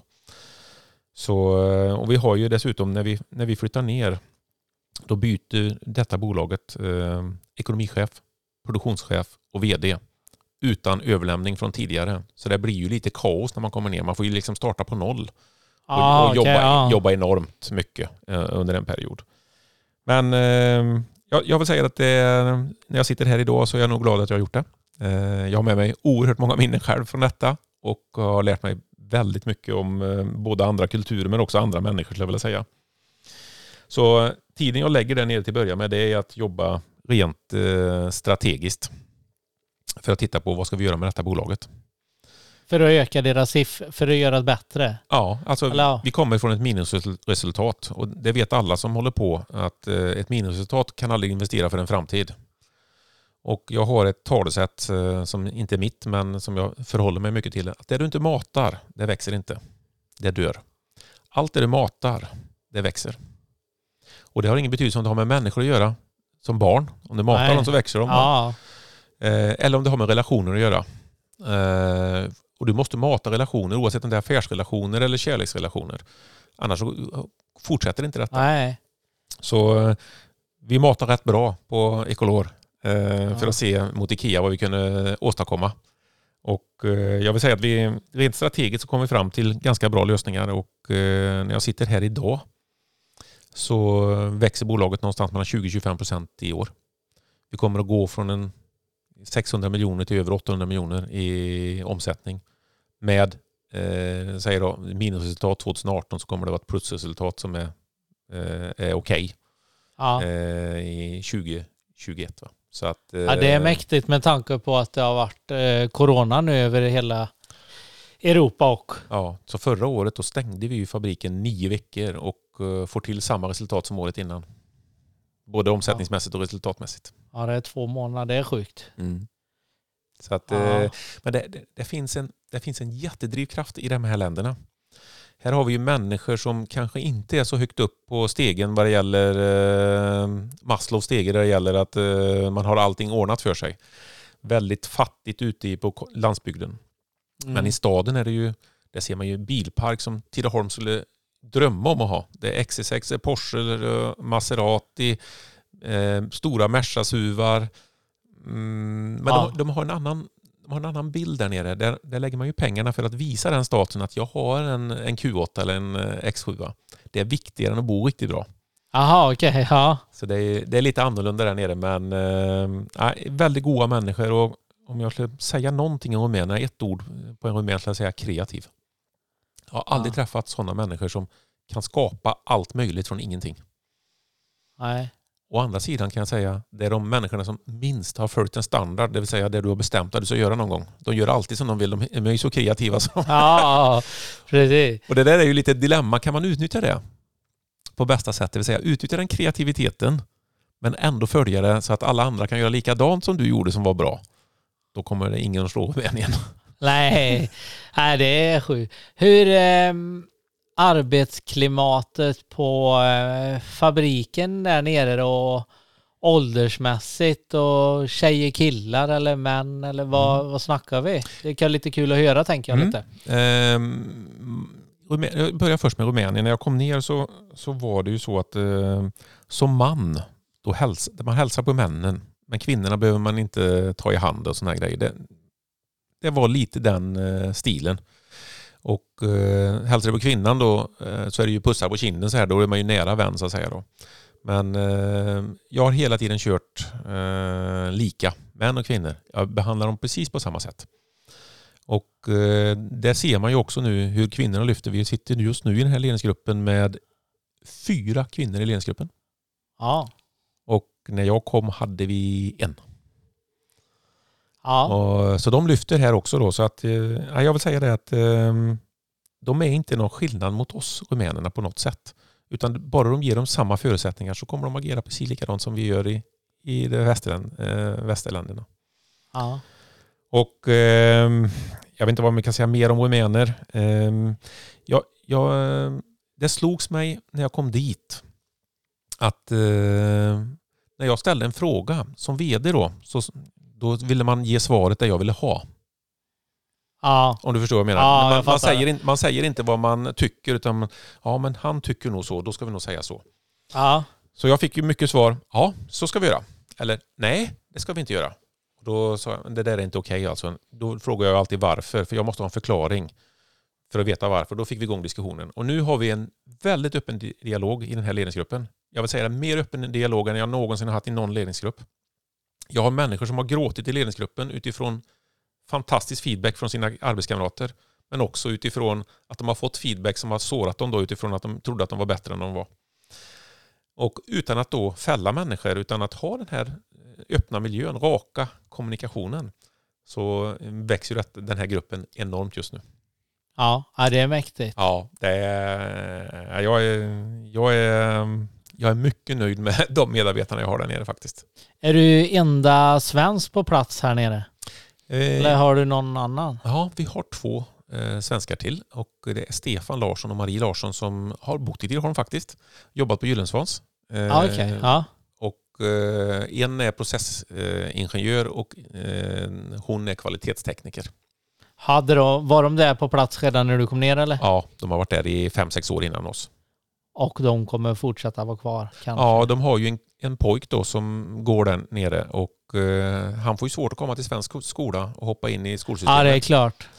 Så eh, jag ser ju, det är ju samma med eh, Douglas och Rickard som var med eh, oss nere då. Hade inte Douglas åkt hem nu så hade han inte kunnat gå på gymnasiet till hösten. Så är det. Trots att de Ah. går på en Cambridge-skola, för de läser eh, där sju ämnen väldigt, de blir väldigt duktiga i de ämnena. Men eh, när du kommer till svenska systemet så är det medelbetyg på 16 ämnen. Det är chanslösa. Ja, ja, ja. ja. Så de kommer nog vara kvar tills han har gått ur gymnasiet. Ja, ja det förstår jag givetvis. Eh, annars då? mm, Fritid, eh, Tommy, när du har varit i Rumänien nu, vad, vad har du gjort? Och är det, fotboll vet jag ju, det nämnde du lite förut då, när det gick att gå på det då. Men vad, vad gör du annars liksom? Ja, om, vi, om vi ska titta på balansen i livet så är det ju den delen som jag måste göra någonting åt.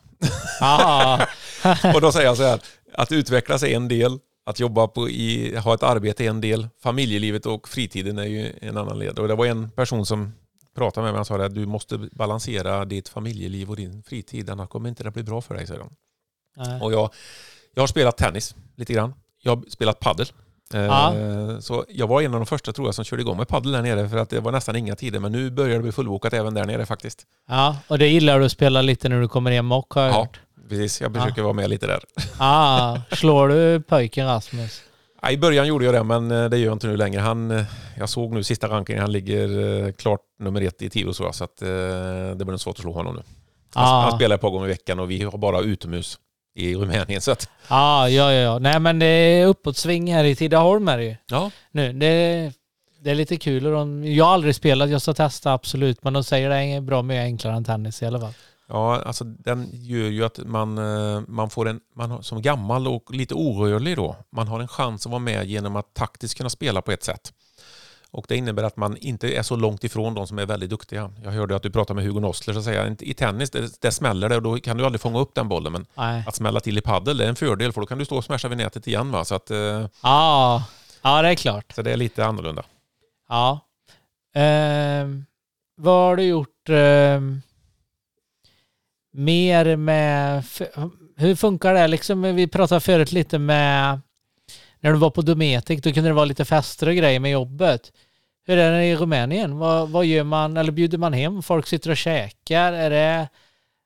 Eller är det personalfester? Som, precis som i Sverige? Ja, vi har eh, en sommarfest och den är stor. Med Ja. alla anställda. 800? Ja, eh, 750 eller någonting har vi varit. Ja. Den är extremt stor. Vi får hyra riktigt stora grejer. Sen har vi även julbord faktiskt för eh, delar av organisationen. Vi förde in eh, dessutom det vi kallar för en teampenning. Det vill säga att vi satte in x antal hundra per anställd för att de i sitt team ska kunna gå ut och spela bowling eller fiska eller ta en öl. Vad de nu bestämde sig för att göra. Ja. Så eh, jag vill säga att det, det har vi redan kört igång i, även i Ecolor. Vi har, ehm, vi har också, jag vill säga även i, ledningsgruppen så har det varit som så att eh, vi har träffats och jag blev ju överraskad här för någon vecka sedan. Ja, jag det såg jag på Facebook. Ja. Ja. Så eh, det, det är en god stämning. Så de har varit hemma hos mig, eh, jag tror en tre, tre gånger eller någonting, där vi har grillat och suttit och tjatat lite. Så att, nej men det är ingen skillnad, säger jag. Nej. Ja, Det är men språk, samma, Språket är skillnaden. Ja. Lärde du dig, har du lärt dig hyfsat rumänska? Eller är de duktiga på engelska där nere? Jag pratar bara engelska faktiskt. Eh, jag kan förstå lite rumänska enskilda ord och jag kan föra mig genom att säga tack och varsågod och hej och, och sånt. Men inget mer. Jag började läsa men det är inte lätt rumänskan och eh, man måste vara ganska motiverad för att klara av det. Och då, jag valde att inte gå vidare allt för djupt där faktiskt just nu. Så att det, jag pratar engelska med alla. I fabriken skulle jag vilja säga att där är det väl 5-10% som pratar engelska. Ja. Och sen är det i ledningsgruppen pratar ju alla engelska. Ja, jo men det förstår jag. Har du något mer där om eh, jobbet där nere eller? Nej, in, inte mer än då. Sen eh, eh, jag blev själv där nere i Rumänien då så har jag ju valt att åka runt och titta lite. Ja, Vi, eh, jag har varit i Karpaterna, är ju en fantastisk bergskedja. Där är 50% av alla rovdjur i Europa. oj. Och jag har ja. varit uppe på, vandrat upp på 2300-2400 meters höjd faktiskt. ja. Och eh, med fantastisk utsikt. utsikt. Eh, det har jag gjort. Eh, jag var med mina föräldrar nere och eh, Petra också nere i, på Dracula slott. Okej. Det ja. måste man ju uppleva när man varit där. ja. Eh, sen hade vi ju faktiskt, vi fick ju uppleva eh, allihopa som var där nere, eh, Rumänien-Sverige, eh, EM-kvalmatchen, den sista avgörande. ja, ja, ja, precis. När det var eh, tuff stämning och jag, eh, jag kommer fortfarande ihåg de, eh, De såg ut som Star Wars-soldater, poliserna som eh, knäskydd och benskydd och huvudskydd och bröstskydd och allting som forslade oss gående dit. Men det var aldrig egentligen någon fara. Vi upplevde aldrig något eh, problem. Men Nej. det var en ganska härlig stämning ändå. Ja. Eh, fiske är ju något du har gillat genom Mm. åren. Hur är det där nere då? Eh, finns lite, finns lite fiske, det gör det. Men eh, jag har inte varit med någon gång ute mer än i en gång. Och då åkte jag ut på, eh, det finns ju delta, Donauds delta där som är eh, jordens näst största delta. Det är bara Nilen som är större. Okej, ja. Och då eh, hade jag en eh, hjälp av en konsult i, i bolaget som hade en båt där nere. Så han bjöd ner mig. Så jag har varit där nere i, i två nätter och tre dagar och fiskat faktiskt. Okej. Och eh, nu är det lite tråkigt att säga, men vi fick några små abborrar. Alltid något, men inget för en storfiskare. Nej, det var det Nej. inte. Men, men upplevelsen var ju Men, fantastisk. ja. Eh, Jag såg ju, jag såg ju vitstjärtade örnar, två stycken på nära håll. Och fågellivet är ju extremt där nere så att säga. Med storkar och allt vad det nu innebär. ja. Flamingos, Oj. Ja. pelikaner. ja. Hur, ehm, hur ser framtidsplanerna ut för dig nu då? Ehm, kommer du vara kvar länge i Rumänien eller har du tankar på att återvända till Tidaholm eller till Sverige överlag? Ja, nu sitter ju antagligen kanske ägarna och lyssnar på detta så jag, jag ska svara ärligt. Ja. Jag har ju känt när man, när man har bott där nere själv att det blir väldigt mycket ensamt. Det är inte bara corona utan det är ju faktiskt det sociala Ja. livet runt omkring. Jag har ju jag har ju mina barn i Tidaholm och Fagersanna. Jag har ett barnbarn Ja. som är 16 månader i Tidaholm som jag eh, känner att jag måste besöka. Så jag har faktiskt gjort klart med eh, Gyllensvans då att jag kommer att åka oftare till Sverige nu och jag, jag kommer att vara här varje månad för det, jag fixar inte riktigt det annars. Nej. Och de har varit eh, fantastiskt bra på, eh, på detta, så de har ju gått med på detta. Så att, eh, jag, jag tror att jag hinner, jag kan nog lösa mycket av detta och så kanske jobba kanske en vecka ifrån Sverige i månaden eller något liknande och så tre veckor där nere. Då, då blir det lite mer balans. Men Ja. desto längre tiden går, desto mer kommer jag känna att jag måste tillbaka mot Sverige och eh, hitta någonting här. Jag vet det. Ja. Så att eh, de är också förberedda på det också. Jag har varit eh, ganska ärlig och även i den diskussionen faktiskt. Ja, precis. Men jag trivs med jobbet och jag trivs med Ja, arbetskamraterna det nere. syns på dig att du, det, men det tror jag också att du gör. Men just nu när du har blivit, vad blir det, morfar då? Mm. Så det är klart det kan locka och sen... Eh, Han, Ja. ska, han ska börja spela fotboll snart ändå, du vet. Så att, eh, ja, jo precis. Ledare 20 år till IFK. Det är inga problem för Tommy Karlsson. Nej. Nej. Vi ska ta sista pausen här nu innan vi kör fem snabba.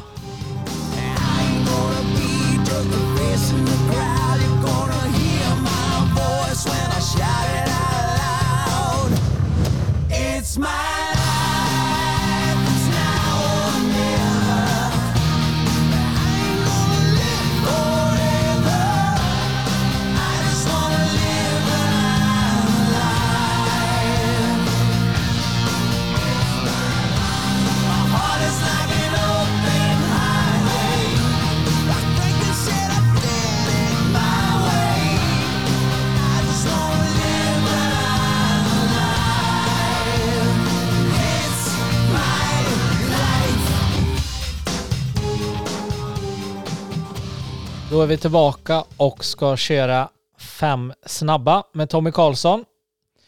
Då drar vi igång direkt. Åka Vasaloppet 2022. Eller jobba på Skara Sommarland hela sommaren. Ja, då blir det nog Vasaloppet 2022. Yes. Bil eller båt? Bil. Skogen eller storstan? Skogen.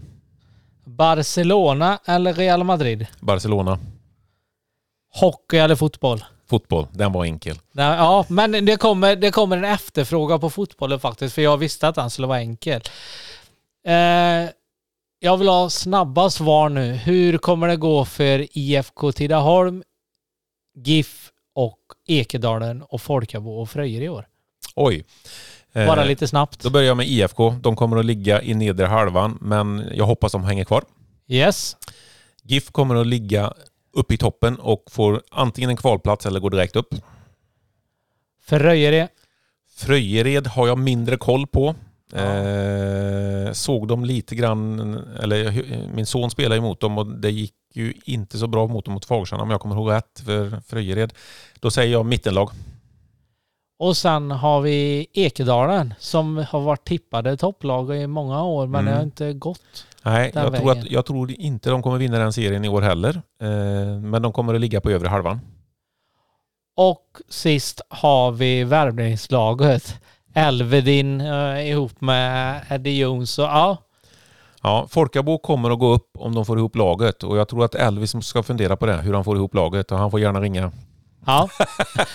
Får se om han ringer då. Eh, innan vi avrundar så skulle jag kolla en grej med dig. Eh, det gäller sommaren 2016. Och det handlar om en cykel.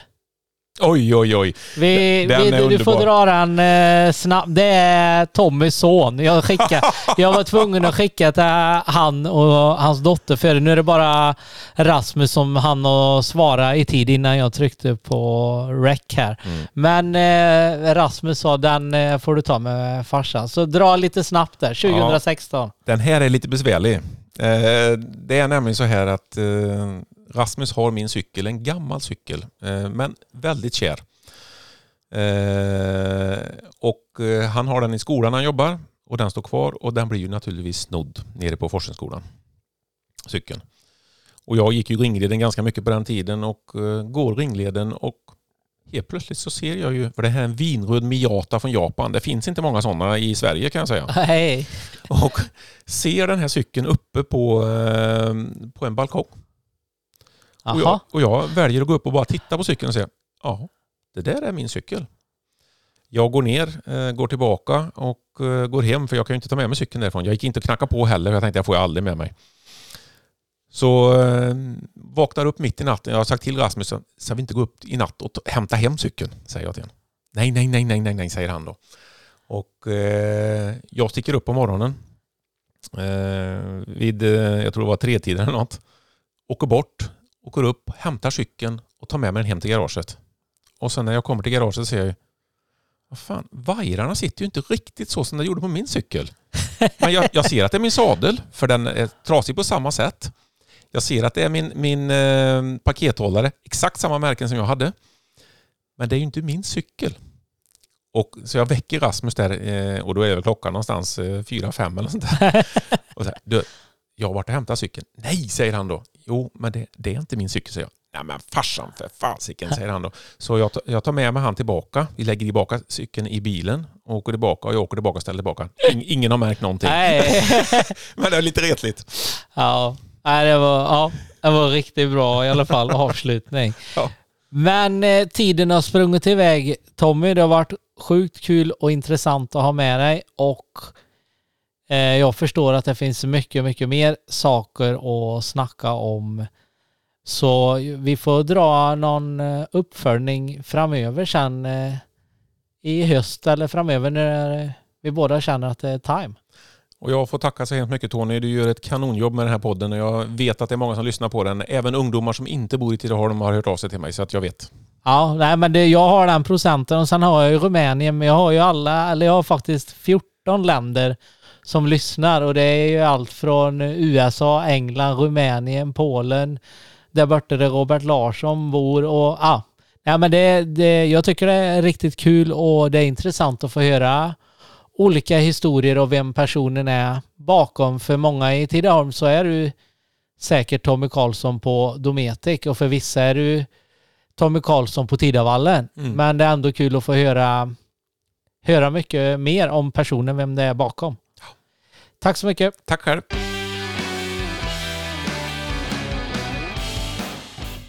Det var allt för denna veckan.